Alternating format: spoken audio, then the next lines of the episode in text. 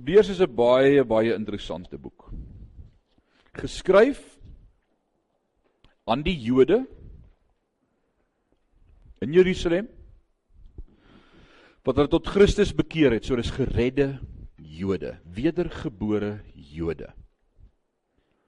Nou in Efesiërs 2, en ons doen nie vanaand Efesiërs nie, maar toe ons Efesiërs gedoen het, het ons iets geleer in Efesiërs hoofstuk 2 dat Paulus kom in Efesiërs 2 en dan sê hy vir die gemeente in Efese julle is nou deel van 'n nuwe entiteit. Julle is nou nie meer Jode of heidene nie. Julle is nou deel van die liggaam van Christus. Kan julle dit onthou? Dit is belangrik om te onderskei. Baie mense praat van ortodokse Jode en dan praat hulle van wat noem ons dit as 'n Jood wat bekering gekom het? 'n Messiaanse Jood. So 'n Jood wat glo in die koms van die Messias. Ek wil vanaand sê, daar's nie 'n ding soos 'n Messiaanse Jood nie. Jy's of 'n kind van God, wedergebore en deel van die kerk van Christus, of jy maak staat op jou ras en jy's 'n Jood en God deel met jou in die groot verdrukking. Maar as jy jou hart tot God bekeer, word jy deel van die kerk van die Here Jesus Christus. Wat nie bestaan uit ras nie. Wat nie bestaan uit kultuur nie. Wat nie bestaan uit net een etniese groep nie, wat bestaan uit al die kinders van die Here reg oor die wêreld. Ons is deel van die kerk van die Here Jesus Christus. OK? Dis awesome. So nou kom hierdie klomp Jode tot bekering en nou sit hulle met 'n stryd. Want in die Joodse ortodokse godsdiens was hulle gewoond aan sekere rituele, sekere gebruike. Elke Sabbat was hulle by die tempel, daar moes geoffer word een keer 'n jaar, moes die hoëpriester ingaan agter die eyster eystergordyn, agter die voorhangsel in. Dit was omtrent iets soos die eystergordyn. 6 duim dik gewefde 20 voet hoog, 60 en 66 voet wyd, 'n hierdie gewefte gordyn 100 priesters moes daardie voorhangsel hanteer om hom opgehang te kry in Salomo se tempel. Dit was 'n swaar ding. Sodat jy die rituele gehad en die wierook en die gebruike en die tradisie en die wet, en nou kom hulle tot bekering en hulle het Christus ontdek, wedergeboorte beleef, die handoplegging, die dooping met die Heilige Gees, hulle het gegroei en toe het hulle mess up Want wie van julle weet almal dat in hierdie geestelike wandel maak ons foute? Nie as jy deel is van Sion nie, maar ek bedoel die ander mense daar buite. Hulle het baie sonde. En hulle maak foute. En al is ons kinders van die Here en al lewe ons hierdie heiligmaking lewe, gebeur daar dinge wat ons setback. En dan voel jy partykeer jy wil sommer 'n step back vat. En nou sê hierdie Jode vir mekaar nou waar begin ons nou weer want ons het nou so mooi op hierdie pad gegroei as kinders van die Here. Maar nou het ek per ongeluk weer sonde gedoen en ek wou nie toe ek 'n Jood was moes ek gaan offer het by die tempel en weer deur die rituele gaan. OK, dan moet ek seker weer my hart vir die Here gee. Nou kom Hebreërs hoofstuk 6 en hy duidelik daarmee gedeel wat die skrywer van die boek Hebreërs en ek is oortuig dit was Paulus En ons het eerder hele aand daaraan gewy hoekom ek sê dis Paulus, maar kom ons bly by die skrywer aan die Hebreërs. Nou sê hy in hoofstuk 6 vir hulle want dit is onmoontlik om as iemand eenmal sy hart vir die Here gegee het en God se kind geword het en hierdie pad begin loop het. Is dit onmoontlik om Christus weer te kruisig en weer voor te begin? Dit kan net nie werk nie. En dan kom hy hier in vers 11 en 12 van Efesiërs ag Hebreërs 6 en dan sê hy daarom bid ek dan dat julle sal voortgaan en sal opgroei tot die volwassenheid sodat julle ook sal staatmaak op die hoop tot die einde toe. Hy sê nie vir hulle sorry julle gaan hel toe dis nou verby dis te laat nie. Hy sê man grow up, groei verby dit. Word groot, word sterk in die Here. En dan kom hy by 'n fenominale ding waar ons die vorige keer by gepos het en dis die einde van Hebreërs hoofstuk 5 as hy daar vir ons gesê het van hoe van vers 10 af en hoor wat sê hy daar? Hebreërs nee nie Hebreërs 6 die laaste versie van Hebreërs 6 sê hy wat volgens die orde van Melchisedek 'n hoë priester geword het vir ewig. En toe vra ons mekaar, maar wie's Melchisedek? En hoe pas Melchisedek hier in? En wat weet ons van Melchisedek? Nou ek hoop as jy vanaand hier uitstap, dat jy gaan kan sê ek weet alles van Melchisedek. Dis my hoop vir jou. Alraait. Ek hoop dit gaan gebeur. Wat is Melchisedek? Want want hier kon die Jode nou vassteek en sê, "Wow, wag 'n bietjie. Melchisedek se orde is nie dieselfde as die Levitiese orde uit die een van die stamme van Juda, Levi. God het mos bepaal dat die Lewiete wat diens doen in die tempel uit die stam Levi uit na vore sou tree. Nou hou die Hebreërskrywer die hele tyd vir hulle Christus voor as die beter een, die heiliger een, die ewige een. Uh, die seun van God, die volmaakte offer. Maar nou sê hy ook daar's 'n beter een as ons aardse priester. Ons het 'n hemelse hoëpriester vanuit die orde van Melchisedek en nou kon hulle sê, "Wow, maar hy's dan nie 'n leviet nie. Dan kan hy mos nie priester wees nie." Wat nog van hoëpriester. So die Jode kon hier vierkantig voet vassteek. Want die priester moes uit die stam van Levi kom. Nou sê gou vir my Jesus was uit die stam van Juda. Nou hoekom kom Jesus uit die stam van Juda? Die Hebreërskrywer sê hy is uit die stam van Leef of die orde van volgens die orde van Melchisedek en eintlik moes hy dan nou 'n Lewiet gewees het. Hoe werk dit? Die priesters uit die stam van Levi en Jesus uit Juda. Nou wil ek sê en vanaand gaan die skrywer 2000 jaar teruggaan en dan gaan hy vir ons vertel in Genesis 14 reeds waar ons vir die eerste keer te doen kry met Melchisedek. So ons gaan 'n bietjie terug in geskiedenis. Alraai, so so 4000 jaar gelede. Langer terug. En dan 'n 1000 jaar na dit in Psalm 110 praat Dawid van dieselfde. Van wie praat ons Melchisedek? Nou wie in die wêreld is Melchisedek? Wel Ons gaan nou vir jou vertel wie's Melchisedek. Alraai. Het jy geweet dat jou verstaan van wie Melchisedek is 'n direkte indikasie is van hoe goed jy jou Bybel ken?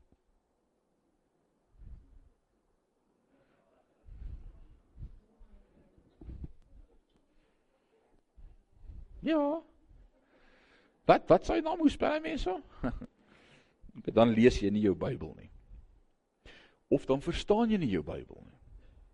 En dis dalk deel van die probleem waarmee ek en jy sit, is ons lees versietjies uit die Bybel, maar ons ken nie regtig die Bybel nie. Dis mos hoekom ons woordskool. Dis om die Bybel te leer. So kom ons kyk vanaand na Melchisedek. Hoe hoe kan ek sê jou verstaan van Melchisedek wys vanuit van jou bepaal of jou verstaan van die Bybel? Gaan lees gou in Hebreërs 5, plan net so twee hoofstukke terug.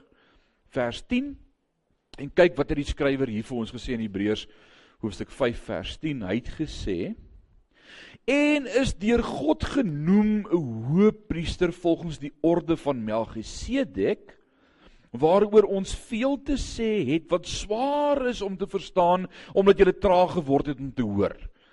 Want hoewel julle van weer die tyd leraars behoort te wees. Met ander woorde, as ek jou kon vertel wie's Melchisedek en jy het geweet wie's Melchisedek, dan was jy nou al geestelik gegroei gewees, maar jy het traag geword om te hoor en hoewel julle van weer die tyd leraars behoort te wees, het julle weer nodig dat 'n mens julle die eerste beginsels van die woorde van God moet leer en julle het weer behoefte aan melk en nie vaste spys nie. So hier is Paulus nogal kwaai met hulle en hy sê die rede hoekom julle nie weet nie is want julle bly by melk. Dis tyd dat julle groei. So ek gaan nie vanaand vra vra oor Melchisedek nie. Kom ek vertel julle vanaand die storie. So in hoofstuk 5 wou die skrywer reeds met ons daaroor gepraat het oor Melchisedek, maar toe sê hy julle sal nie verstaan nie. En toe skryf hy hoofstuk 5 klaar en hy skryf hoofstuk 6 klaar en nou in hoofstuk 7 vanaand nou sê hy Kom ons praat maar daaroor. Ek dink dit is nodig om julle te vertel van Melchisedek. Alraight. So kom ons probeer vanaand oor Melchisedek praat. Wie van julle het die fliek gekyk of die geskiedenis gevolg van the raid of Entebbe? Ek het een hand, ek het twee hande, ek het drie hande, ek het vier hande. 5. Net 5 uit 'n hele groep wat weet waarvan ek praat. Nou in 1976 Wie van julle was toe nog nie hier gewees nie? Ah, hier so 'n paar. Alraai, ek was al hier. Nou in 1976 is daar 'n groep terroriste wat beheer neem van 'n LL Israeli vliegtuig en hom forceer om te gaan land in Uganda by die Entebbe lughawe. In 2 dae se tyd het die Israeliese weermag. Nou ek nou kom ek kom ek lees dit vir julle. Is dit reg? Kom ek lees dit vir julle. The raid of Entebbe Operation Entebbe Operation Thunderbolt was a successful counter-terrorist hostage rescue mission carried out by commandos of the Israeli Defense Force at Entebbe Airport in Uganda on 4 July 1976. Dat die 3de en die 4de Julie het hierdie twee goed gebeur. The location Entebbe International Airport in 2 dae se tyd red hulle 102 van die 106 hostages gijslaers onder die Ugandanse neus uit. Hulle land met 3 vragvliegtuie in die geheim hoe hulle oor die radar gekom het weet niemand nie gaan lees dit. Daar's flieks daaroor gemaak. Jy kan dit gaan YouTube actually die movies is beskikbaar. Dis geskiedenis oor Israel. Jy moet dit gaan kyk. Alright. The raid of Entebbe. Gaan gaan Google dit. En en wat gebeur is hulle land met drie vragvliegtuie en hulle smokkel hulle Israeli lugmag en weermag ouens daar uit en infiltreer die lughawe en red 102 van die 106 hostages Alright? And destroyed a quarter of Uganda's air force in 2 days. Israel. Nou daardie stadium met Israel was onder die Russiese mag gewees, die Sowjetunie. Alright? En niemand het geweet met daai tegnologie van radar en alles wat die wat die wat die Russe het, hoe die Jode dit reg gekry het om met drie vliegtye daar te land nie. Hulle het nie geweet hulle is op pad nie. Maar dis God se volk. Nou vra jy nou wat het dit met Melchisedek uit te waai? Ek wil jou terugvat na 'n vorige geleentheid wat nog meer impressing is as hierdie drie vragvliegtuie vol soldate wat in Uganda hierdie 102 mense gaan red het. In Genesis 14 lees ek vanaand vir jou 'n paar dinge.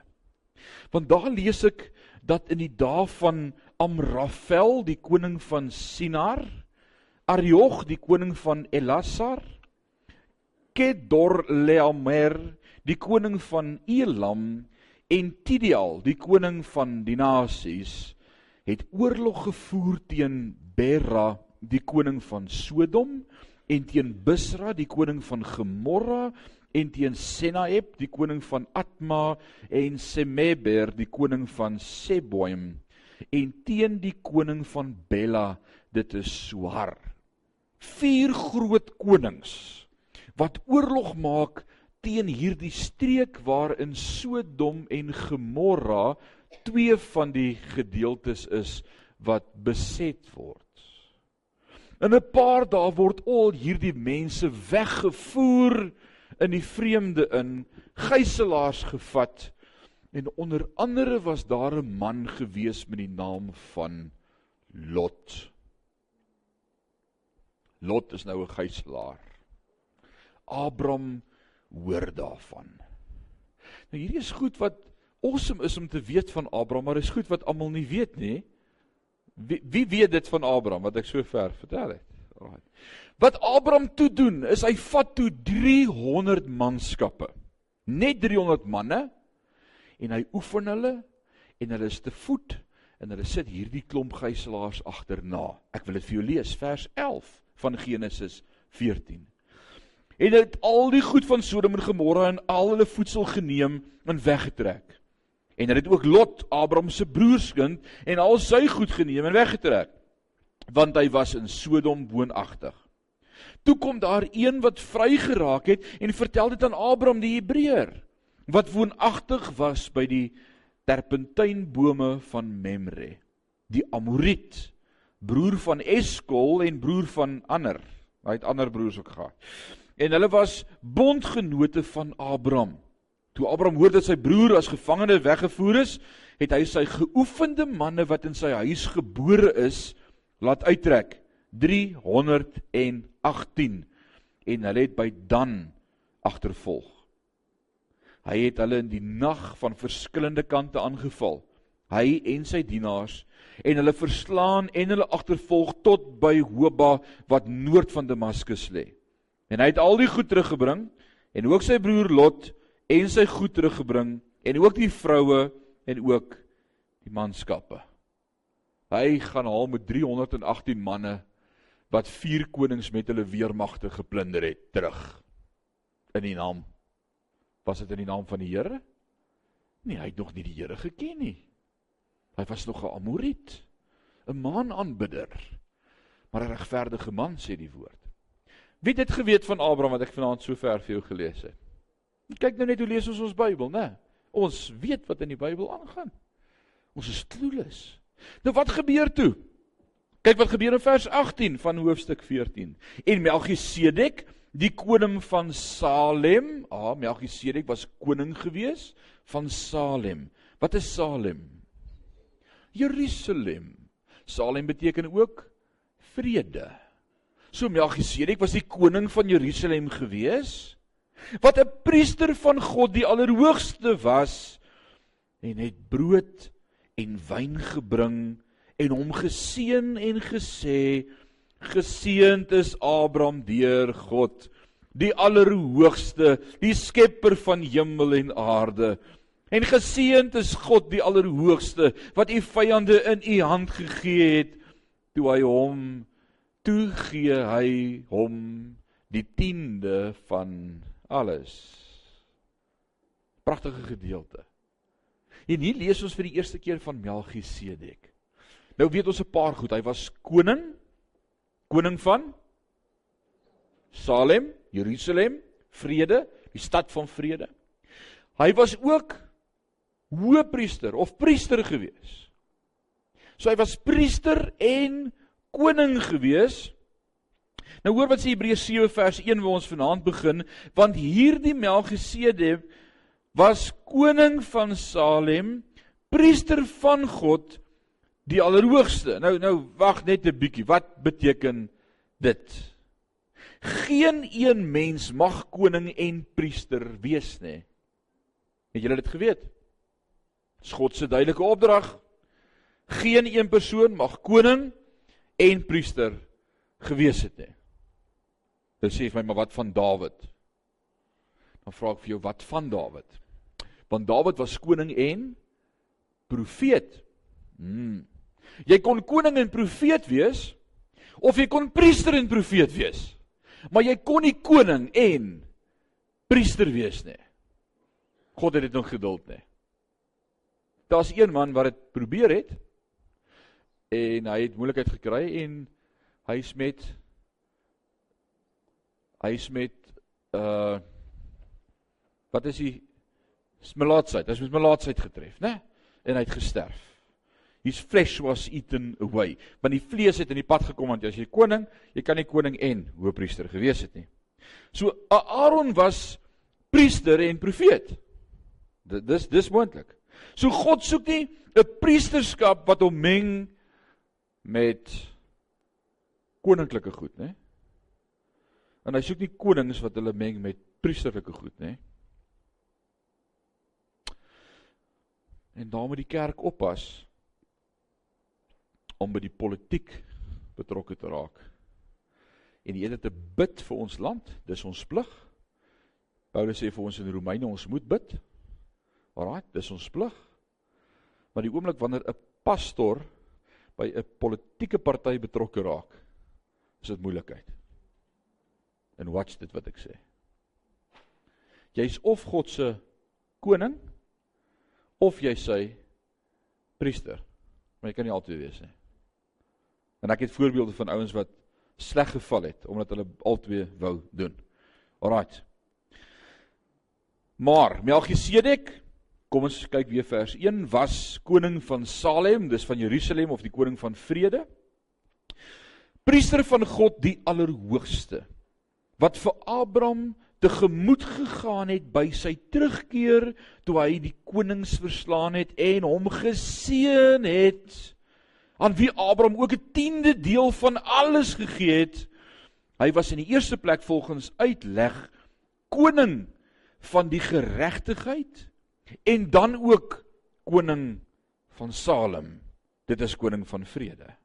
Want sonder vader, sonder moeder, sonder geslagsregister, sonder begin van dae of lewenseinde, maar gelykgestel aan die seun van God, bly hy priester altyd deur. So het ons nou nog iets geleer van Melchisedek vanaand in Hebreërs hoofstuk 6. Ons sien hy het nie 'n begin nie en hy het nie 'n einde gehad nie. Hy het nie 'n pa nie en hy het nie ma nie en hy is nie in 'n geslagsregister opgeteken nie. Nou wat beteken dit? Nou Bas baie slim teoloë en dit lyk vir my hoe slimmer jy word, hoe meer verskil hulle van mekaar. Want wanneer ons teologies na hierdie goed kyk, is daar altyd meer as een groep wat sê nee, dit kan dit beteken of aanhou sê dit kan dit beteken. Daar's 'n groep wat sê al wat dit beteken is sy data's nie opgeteken nie. Ons ons ons het dit verloor. Dit beteken hy het nie begin of 'n einde gehad nie. Dit beteken net ons weet nie wanneer hy gebore en wanneer het hy gesterf nie. Maar ek wil vanaand vir jou wys en en ek is oortuig daarvan dat Melchisedek reeds Christus geopenbaar in die Ou Testament was. Soos wat ons weet, Christus in die Ou Testament hom reeds sporaries openbaar het aan sy volk en aan individue. Nou Christus is weggesteek. In die Nuwe Testament ons dek ons eers Christus. Word hy eers gebore, word hy eers mens, maar sy karakter, wie hy is, is reeds in die Ou Testament baie keer vir ons geopenbaar. En hierdie is een van daai kere. Nou ek glo jy kan Christus in die Ou Testament raak lees. Hy is daar. Die engel van God.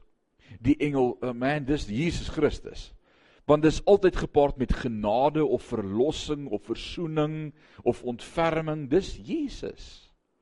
En hierdie dink ek was 'n tipe van Jesus.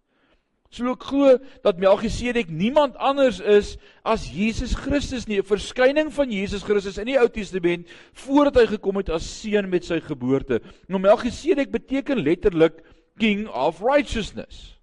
Dis dit staan daar vir ons geskryf wat in die eerste plek volgens uitleg koning van die geregtigheid maar ook koning van Salem beteken.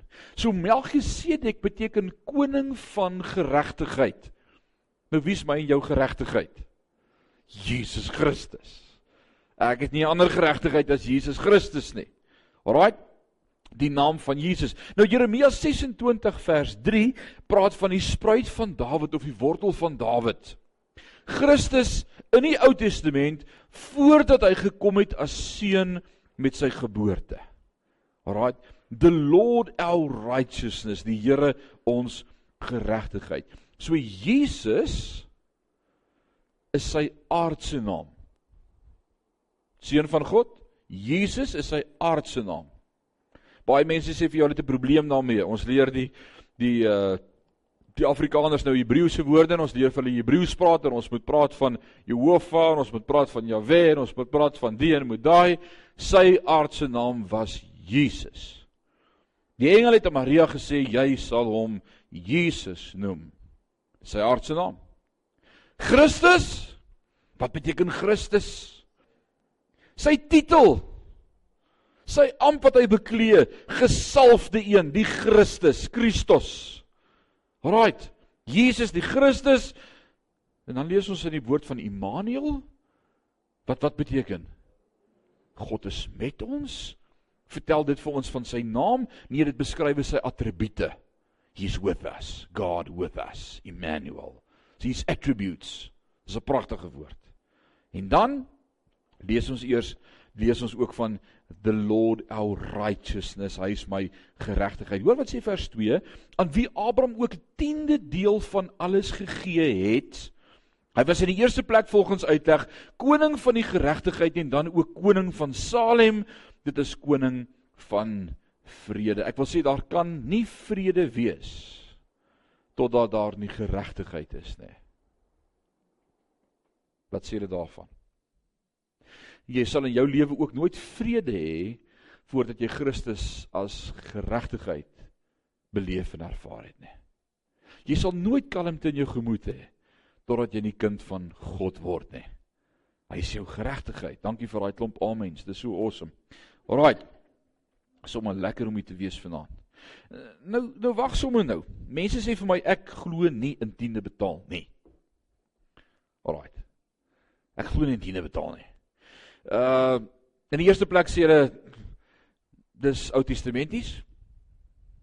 En in die tweede plek sê hulle dalk dis wetties.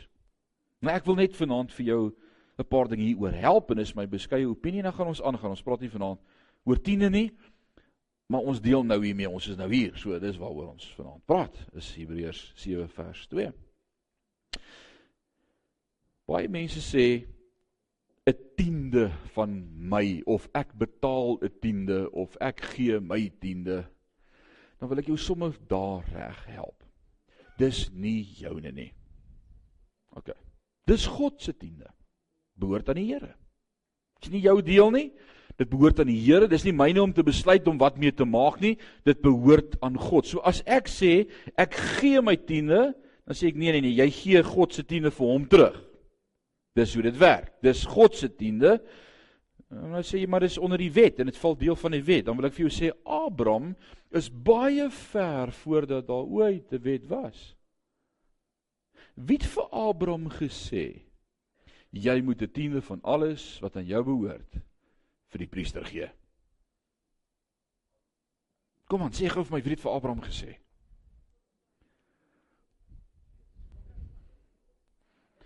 Those who are led by the Spirit shall be called the sons of God.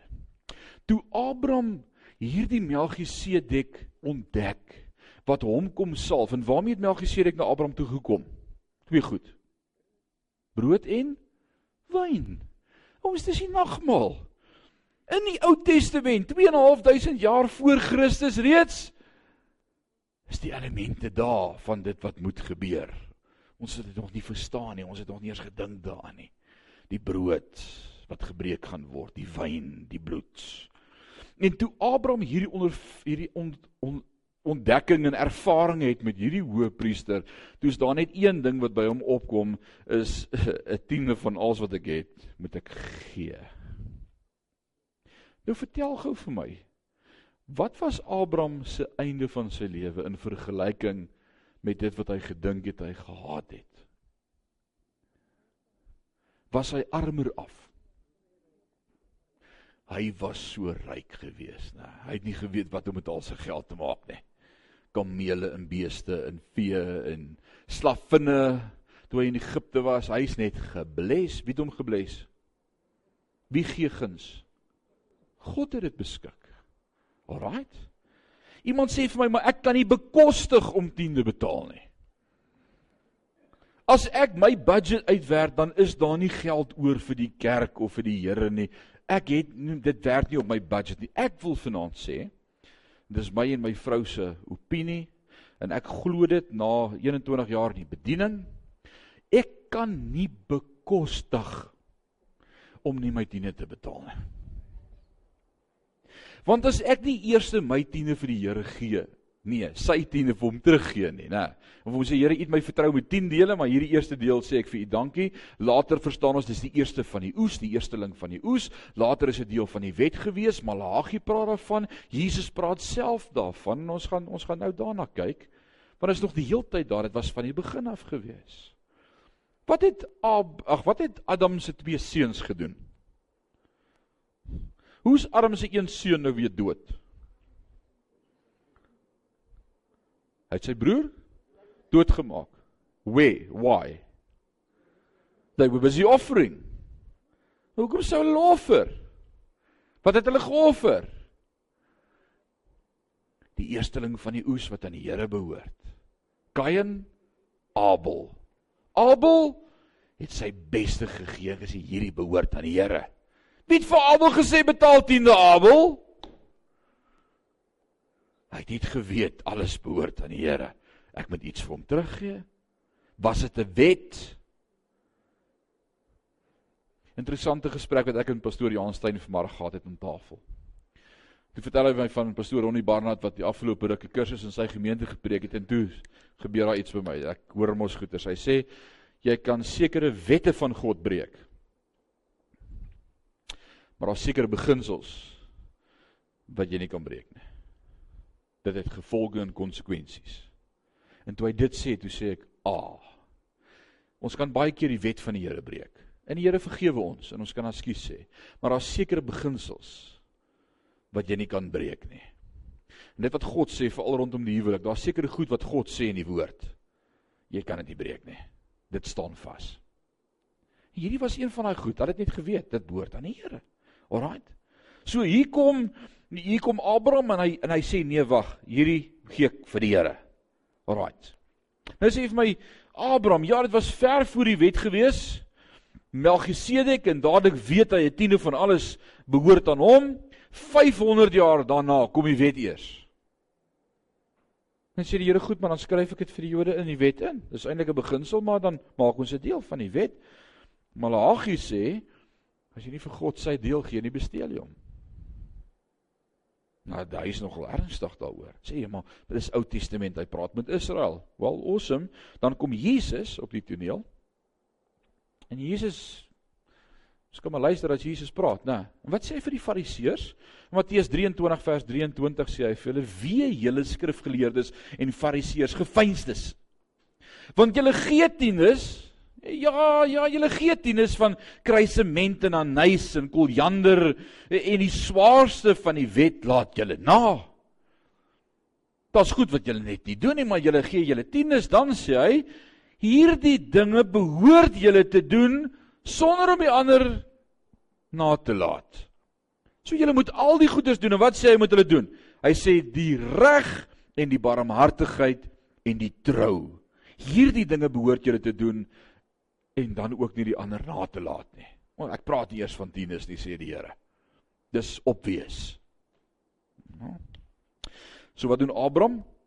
Hy sien hierdie Melchisedek, koning van Salem in vers 4 in jou Bybel van Hebreë 7 sê, let nou op hoe groot hierdie man was.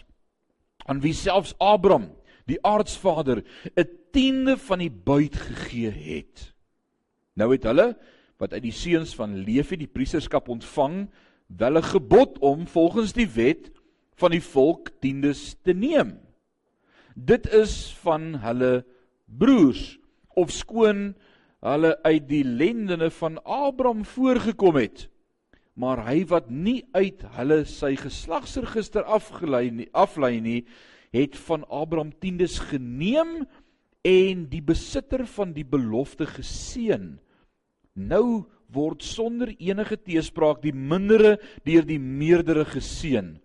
En hier neem wel skriftelik mense tiendes, maar daar maar daar een van wie getuig word dat hy lewe. En om so te sê, het ook Levi wat tiendes ontvang, deur Abraham tiendes gegee. Want hy was nog in die lendene van sy vader toe Melchisedek hom tegemoet gegaan het. Wag net 'n bietjie. Vir wie is hierdie 'n maklike gedeelte om te sê, "Ag, oh, ek weet wat hier staan." Dit is so eenvoudig. Het jy dit Johan? Gaan jy vir ons kom uit lê?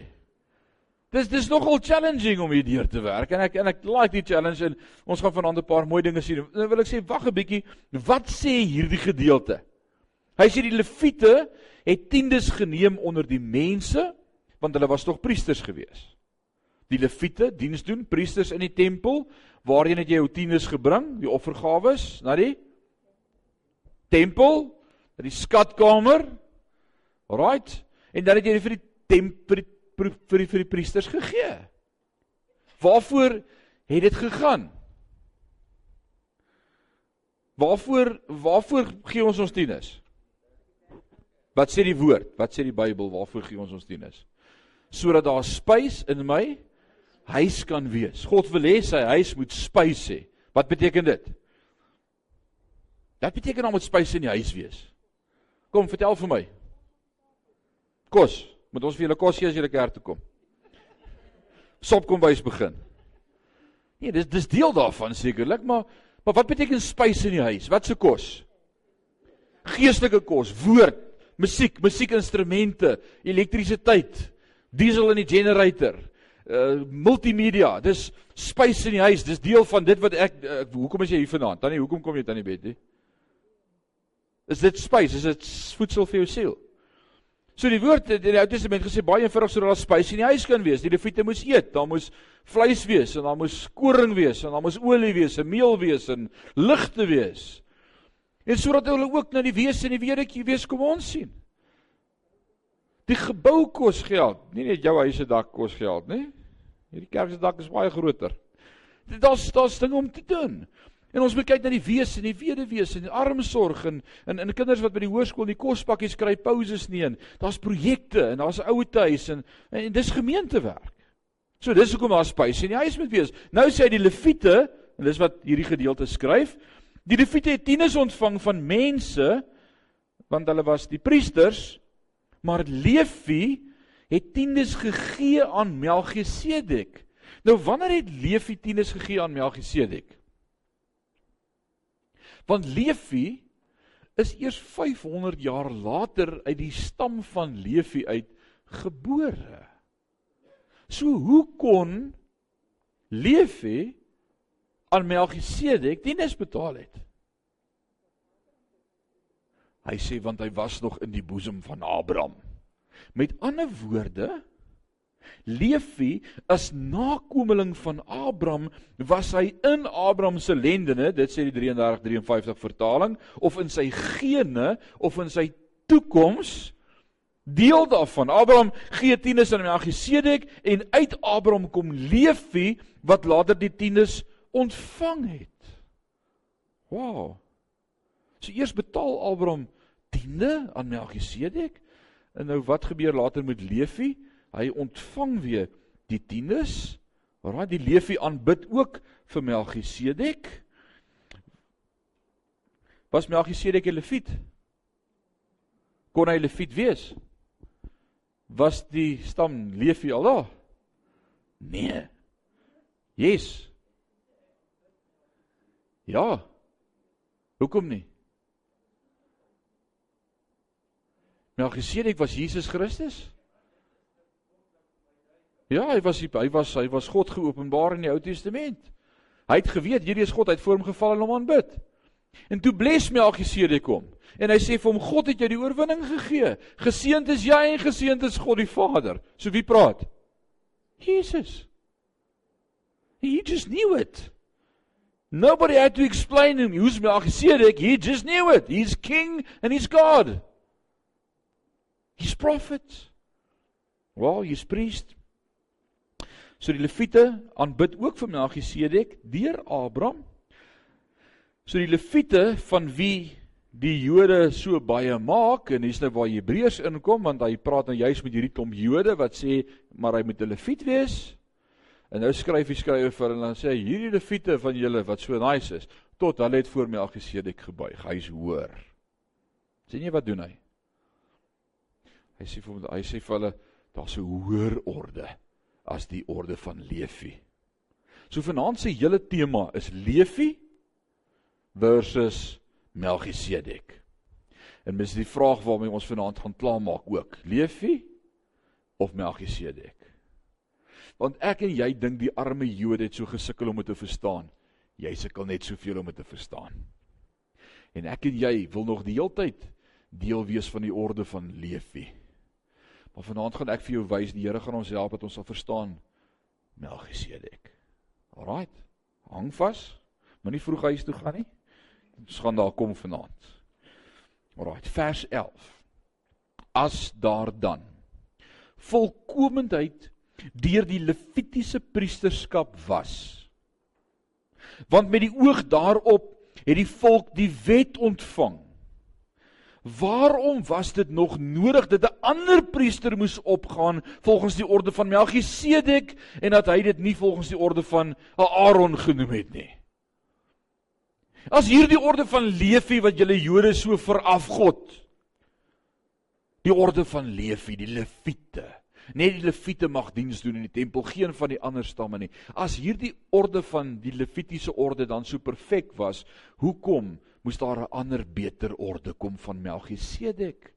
Wel, dis die vraag. Dis hoekom? In Psalm 110 1000 jaar nadat Abraham voor Melchisedek gebuig het. Nou praat Dawid van Melchisedek. Vir 1000 jaar hoor ons niks. Ja, hy seker dood en begrawe? Nee. Hier kom Dawid en hy praat oor Melchisedek. Wie het vir Dawid vertel van Melchisedek? Wat dink julle? Die Heilige Gees, dis God geopenbaar, dis Jesus Christus. Die Heilige Gees inspireer hom. Hoor wat sê vers 12? Want met verandering van die priesterskap kom daar noodsaaklik ook verandering van die wet. Met ander woorde as die kom ons kom ons praat so daaroor. Met die verandering van die dominante heersende party in ons politieke stelsel kom daar ook 'n verandering van die wet. Wie verstaan dit? Ja. Menseregte. Ander politieke party, ander wette. Ander priesterskap, ander reëls. So ons het nodig dat die reëls van die orde van die Levitiese stam moes verander het. Want onder die Levitiese orde het ek en jy moeilikheid gehad, wil jy? Want wat sê die Levitiese orde vir my en vir jou? Dat daar nie vryspraak van sonde kan wees nie, maar net uitstel. Geen Levite het die vermoë gehad om jou sondes te vergewe of van jou 'n heiliger mens te maak nie. Wat kon hulle vir jou doen? Sê Willie, die Here het vir jou jaar gespaar by jou lewe. Jou offer is aanvaar. Die rookie het regop getrek. Jy het nog 'n jaar. O oh man. En dan dink jy hierdie jaar gaan ek heilig lewe. Dis amper soos 'n nuwe jaar voorneme. Hierdie jaar gaan jy sien. Laat ek net gou-gou die hande sien. Wie het nog nooit gesê hierdie jaar gaan ek 'n paar dinge anders doen nie. Laat ek gou die hande sien. Almal skuldig. Dis ons. Hierdie jaar beloof ek jou. Ons hoor dit as kinders. Ons sê dit as kinders. Ons hoor dit by ons kinders. So seun, wat het met die rapport aangegaan hierdie laaste jaar? Sê jy's pa, hierdie jaar wat kom, hierdie jaar. Waar gaan sien? Dis mos wat ons doen. En nou sê die skrywer aan die Hebreërs, hy sê daar moes met 'n doel 'n nuwe orde kom, want met die nuwe orde kom daar 'n nuwe wet. Wat oh, is goeie nuus. Wie kan sê amen? Jy kan vashou, hier kom die goeie nuus.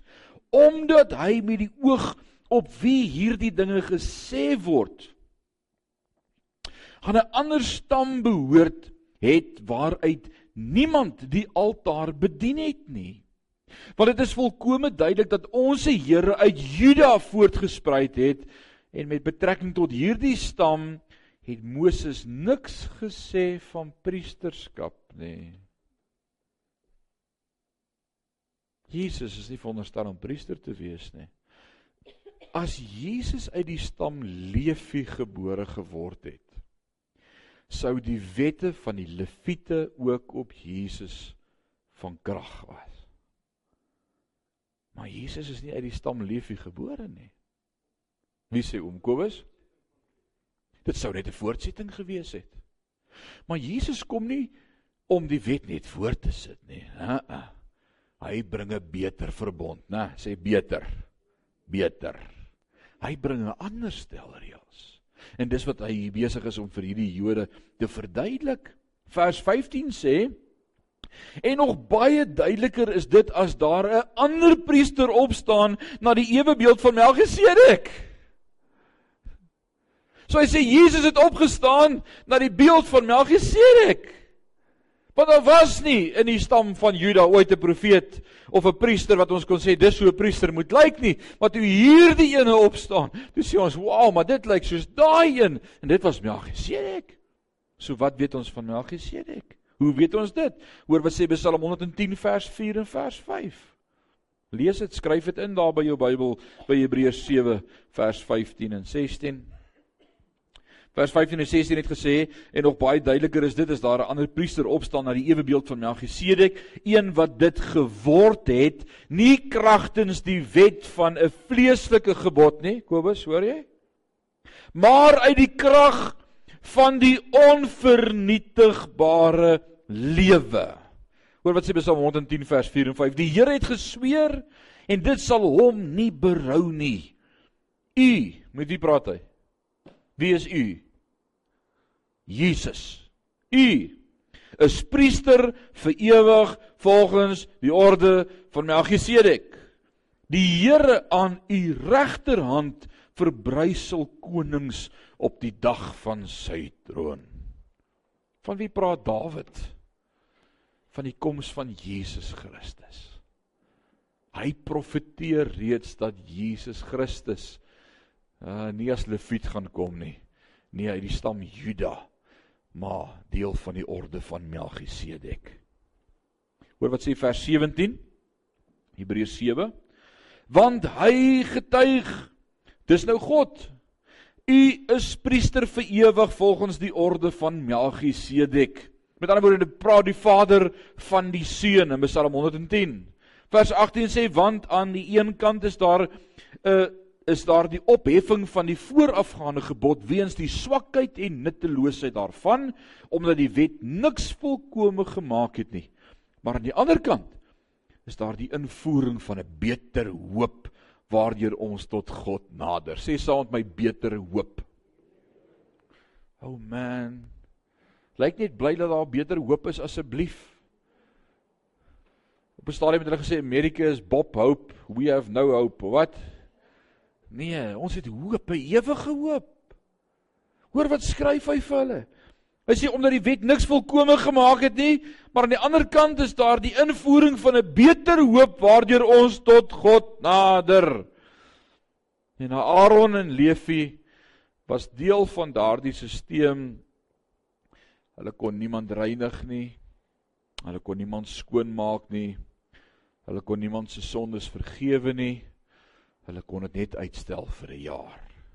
Maar aan die ander kant is daar die invoering van 'n beter hoop waardeur ons tot God kan nader. Hoe nader ons tot God deur Jesus Christus. Oh man, begin jy sien hoe werk Melchisedek? Kom ons gaan aan vers 20. En vir sover dit nie sondes eetswering was nie, wat hulle het hulle sondes eetswering priesters geword want hulle het sonder sonde eetsweringspriester geword maar hy met eetswering deur die een wat aan hom gesê het die Here het gesweer en dit sal hom nie berou nie. U is priester vir ewig volgens die orde van Melchisedek. Wat beteken dit? Hy sê hoe word die leviete priesters sonder inswering Hy's gebore as 'n leviet, hy's deel van die orde van die leviete, hy's deel van die stam van Levi. Hulle gee net vir hom 'n wit rok en daar gat hy. Hy's 'n priester. Maar Jesus Christus, God die Vader het van hom gesê, hy het hom ingesweer. Hierdie was sy in inauguration hier gewees waar God gesê het, "Hey, jy is my seun en jy's volgens die priesterskap van Melchisedek." En dis Psalm 110 die insweer seremonie. Vers 22 van Hebreërs 7 sê: In sover het Jesus van 'n beter verbond borg geword. Sê beter verbond en sê borg. Wat beteken borg?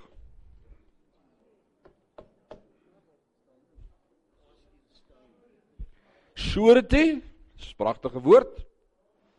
Guarantee Waarborg? Borg?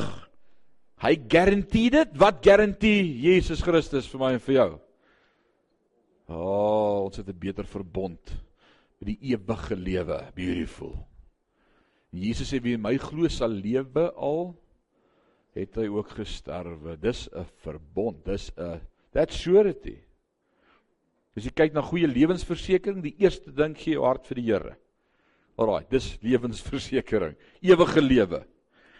Dan neem jy polis uit vir mamma. Alraai. dis ook belangrik.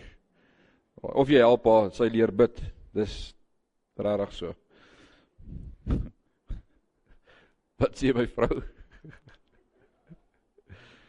Ouens, ons sien dit sien dit baie om ons.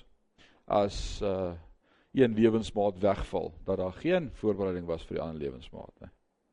En dis dis nie werk en hartbid en die Here vashou. Maar ons het 'n ewige betuiste, ewige tuiste. Hoor wat sê vers 23. En hulle het wel priesters geword in 'n groot aantal omdat hulle deur die dood verhinder is om aan te bly. Daar was nie 1 of 10 of 100 of 1000 priesters nie, daar was baie priesters. Wat was die probleem met die stelsel, man, hè? They die. Terrible statistics regarding priests. 10 out of 10 died. Hopeloos is vol gewees. Het almal dood gegaan. Kan ek asseblief met priester Kobus praat? sorry man, hy is nie meer hier nie. Uh dis nou Jan. Nee, sorry, dis nou al Frans, dis die derde een. Dis is al het nie gehou nie. Hulle gaan dood. Hulle is verganklik. So daar was die hele tyd nuwe priesters gewees, die hele tyd nuwe priesters gewees. Vers 14 24 sê maar hy omdat hy vir ewig bly besit 'n priesterskap wat nie op ander oorgaan nie.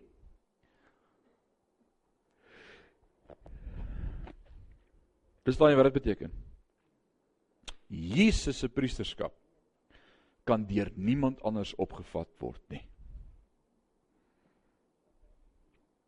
Niemand kan Jesus se priesterskap opvat nie. Hoekom nie? Because he lives forever. Oh man. Sal ek dit sê of sal ek dit nie sê nie?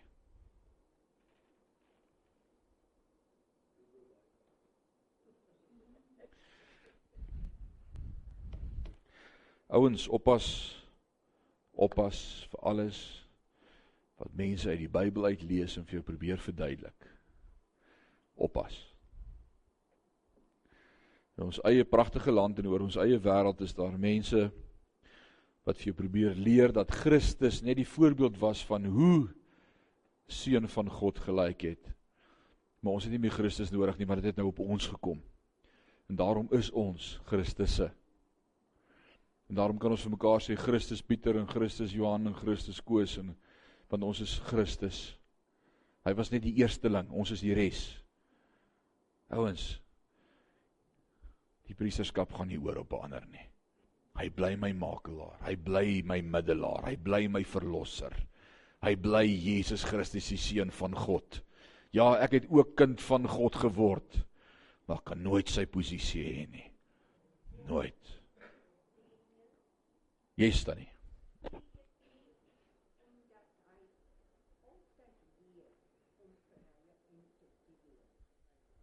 Amen. Amen. Omdat hy altyd leef om vir ons in te tree by God. Nou sê vers 25. Daarom kan hy ook volkome red die wat deur hom tot God gaan. Jesus sê in Johannes 14 ek is die weg die waarheid en die lewe en niemand kom na die Vader behalwe deur my nie. Hebreërs 7:25 sê daarom hy kan hy ook volkome red die wat deur hom tot God gaan omdat hy altyd leef om vir ons in te tree. Wat beteken volkome red? Wat sê julle? Kom praat bietjie hard met my. Volkome?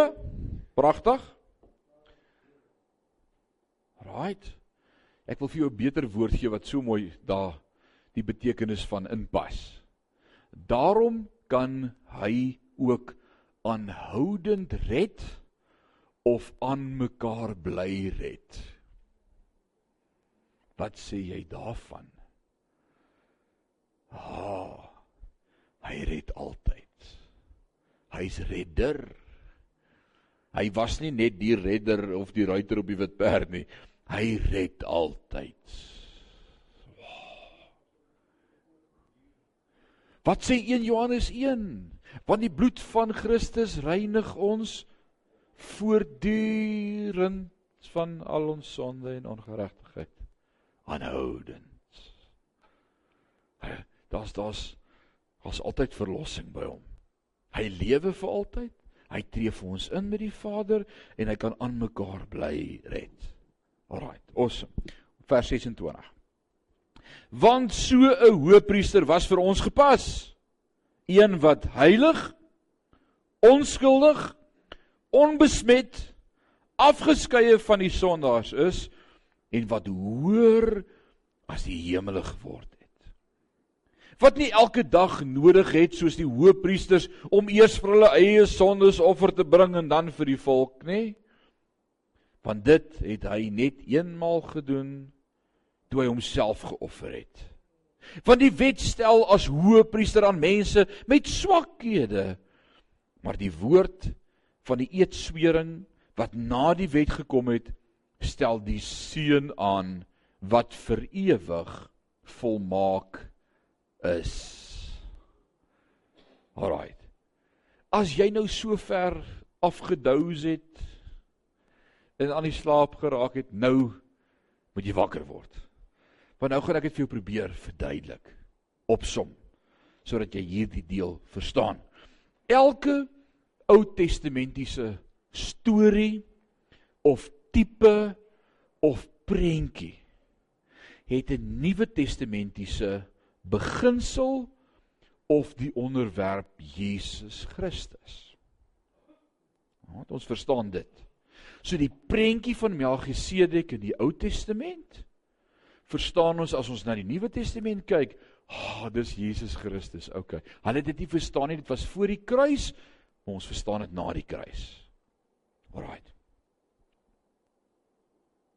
Die ou priesters of die leviete Die skrywer sê daar was tekortkominge gewees met die orde van Aaron van die Lewiete.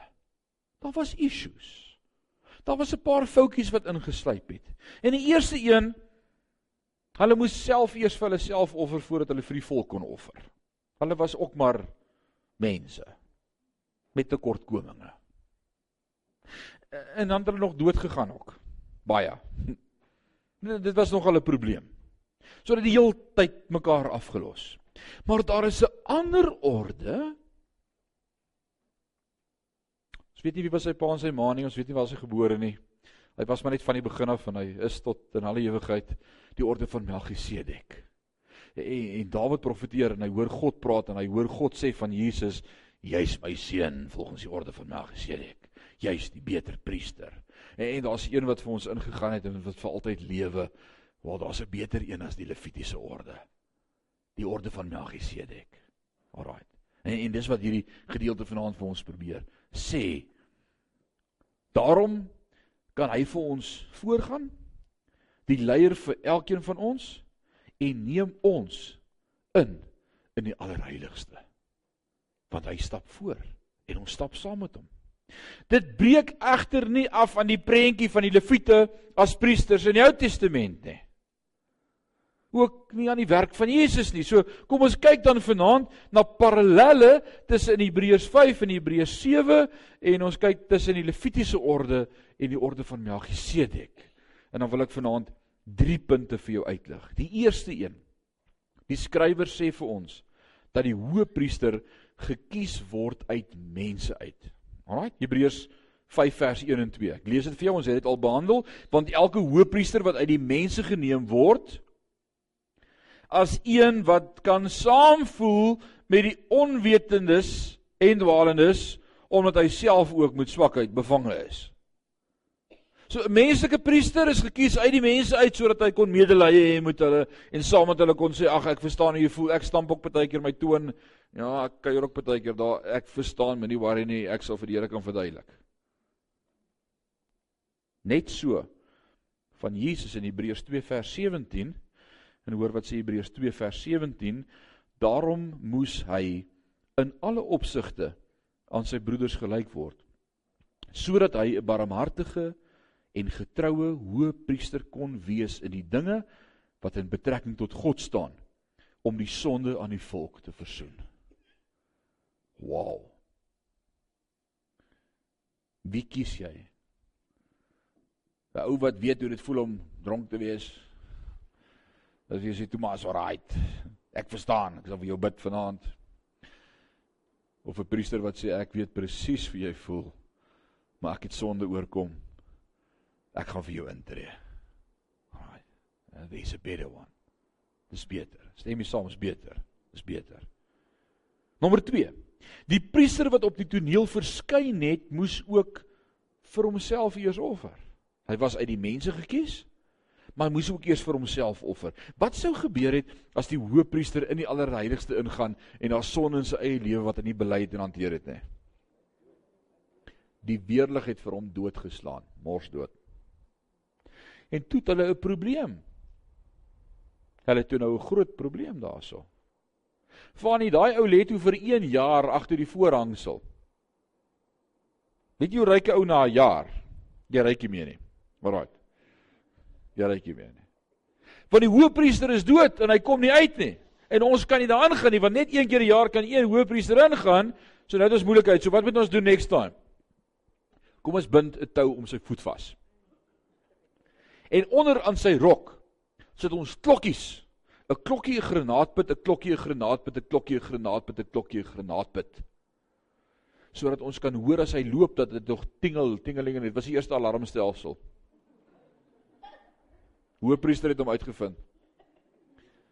En as daai geklingel ophou daar binne, dan pluk jy daai tou net so as jy voel hy trek terug dan weet jy hy lewe nog. Hy vat net 'n dit. As jy trek en daar's niks, dan weet jy man ons moet maar vat, die ou lewe nie meer nie dan sleep hulle hom uit onder deur die voorhangsel. Hy moes eers vir homself offer. Jesus? Wat het Jesus gedoen? Want Hebreërs 5 vers 3 sê vir my en daarom juis moet hy net soos vir die volk so ook vir homself vanweë die sondes geoffer het. Moes Jesus vir homself offer? Is daar 'n parallel? Wel, wat het Jesus gegee as offer? Hebreërs 7 vers 27 wat nie elke dag nodig het soos elke hoëpriester om vir sy eie sondes offer te bring en dan vir die volk se nie, want dit het hy eenmaal gedoen toe hy homself geoffer het. Wat was die prys wat Jesus betaal het sodat hy vir my kan offer? Hy het homself gegee sodat hy vir my kan offer. Hy was die offer vir my. Wie kan sê amen? Ja, dis amazing. Hy was die offer. Hy het nie offer gaan soek nie, hy het die offer geword. Oh, awesome. In die derde punt.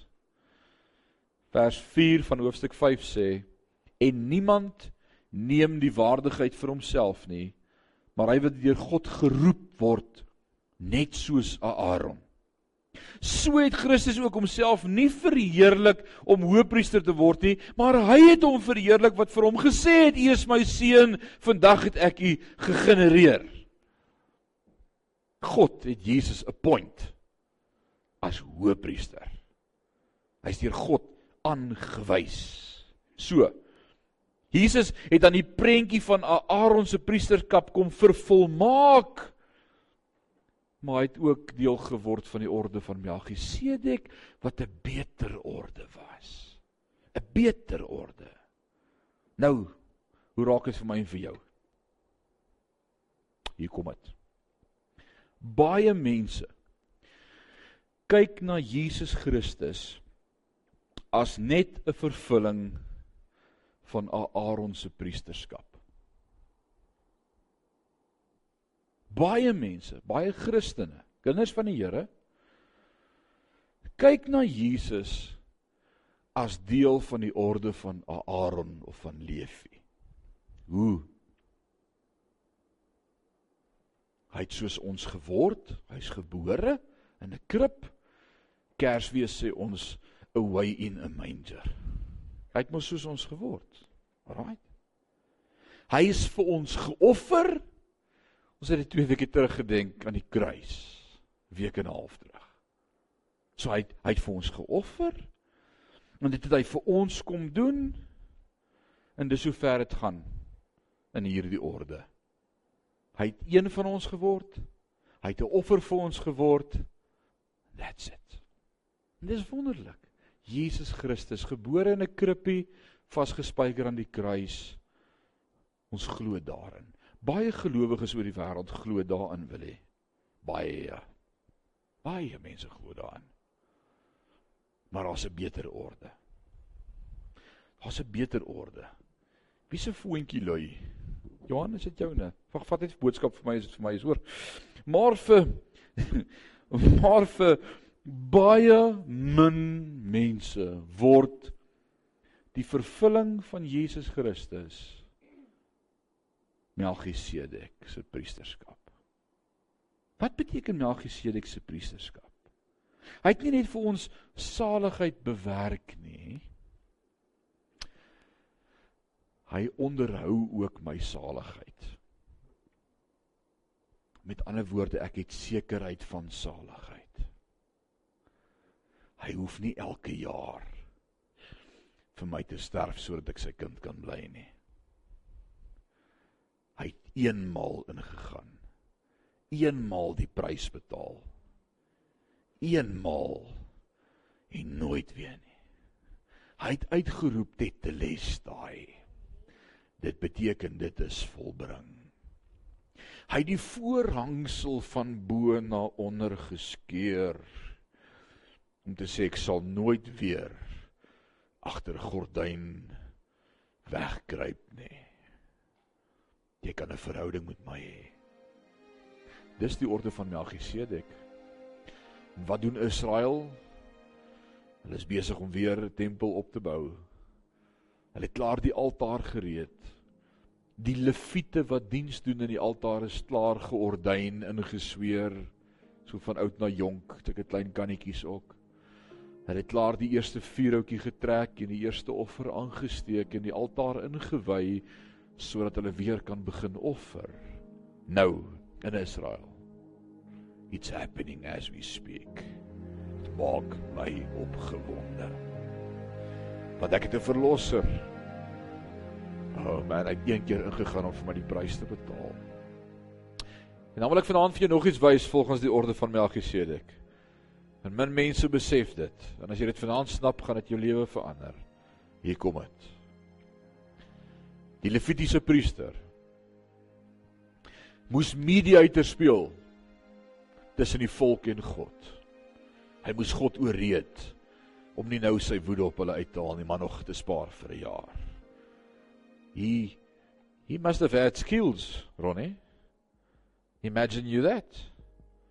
Jy jy moes kan praat met God. Jy moet kan please explain wat jy nou hier doen en hoekom ek 'n jaar moet wag. Want ek wil deel met sonde. Nou hoor gou-gou wat sê die Nuwe Testament vir ons. Hy het vir ons eenmal ingegaan. Wat doen hy vir ons by die Vader? Hy tree vir ons in. Daardie woord is ook die woord intersessie. Hy doen vir ons intersessie voor God.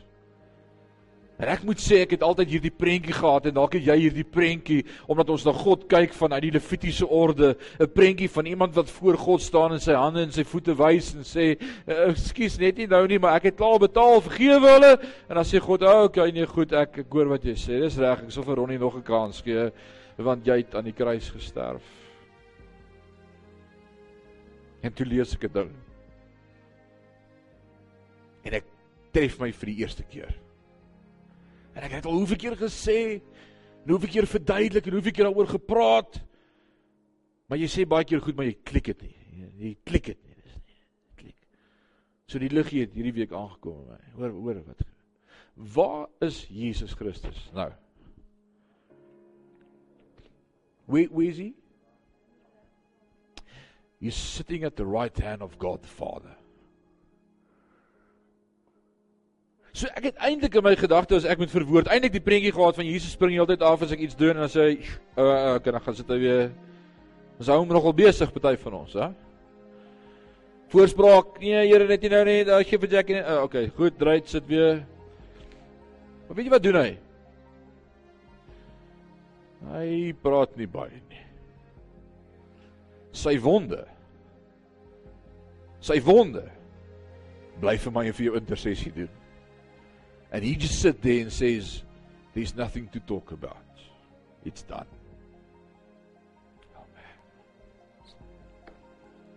Hoor jy wat ek sê? Daar's niks om oor te praat nie. My wonde.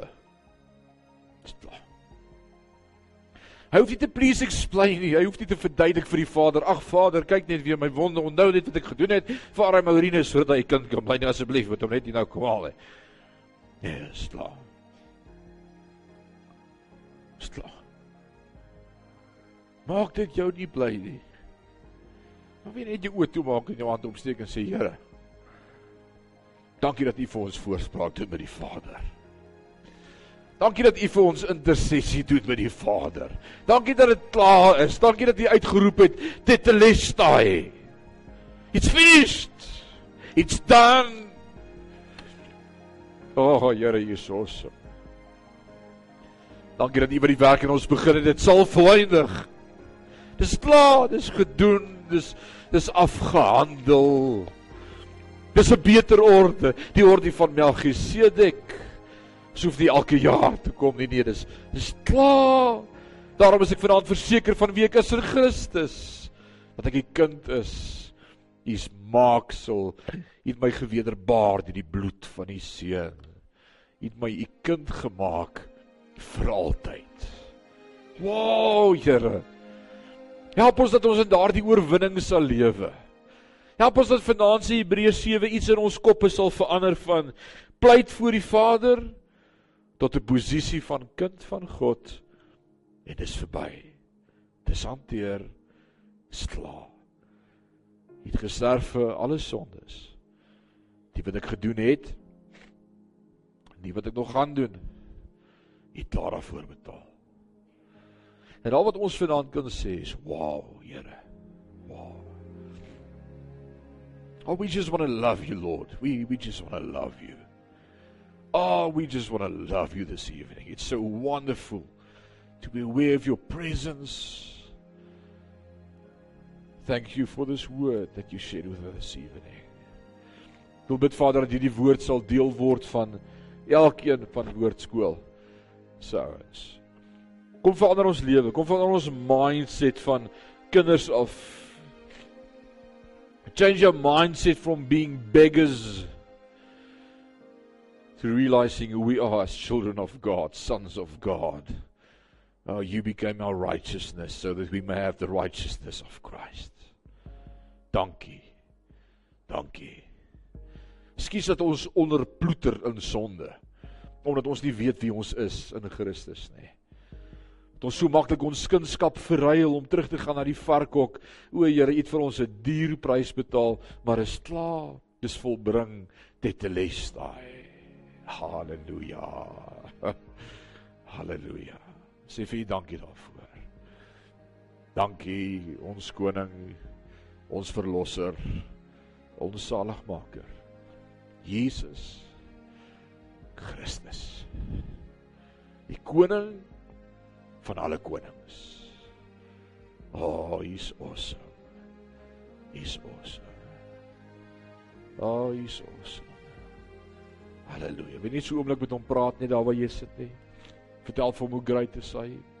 Vertel vir hom hoe bly is hy jy dat hy jou gered het. Net net so kom ons net so oomblik. It's just Let's just embrace the moment for a second. And we thank you, Lord. Oh, we thank you, Lord. Oh, we thank you, Lord. As die duiwel kom met twyfel, sê vir hom jy's nie meer onder die bedeling van Leefie nie. Daar was 'n beter hoëpriester. Jesus Christus. Aan die al die lof en al die eer, koning. Al die lof en al die eer. Halleluja.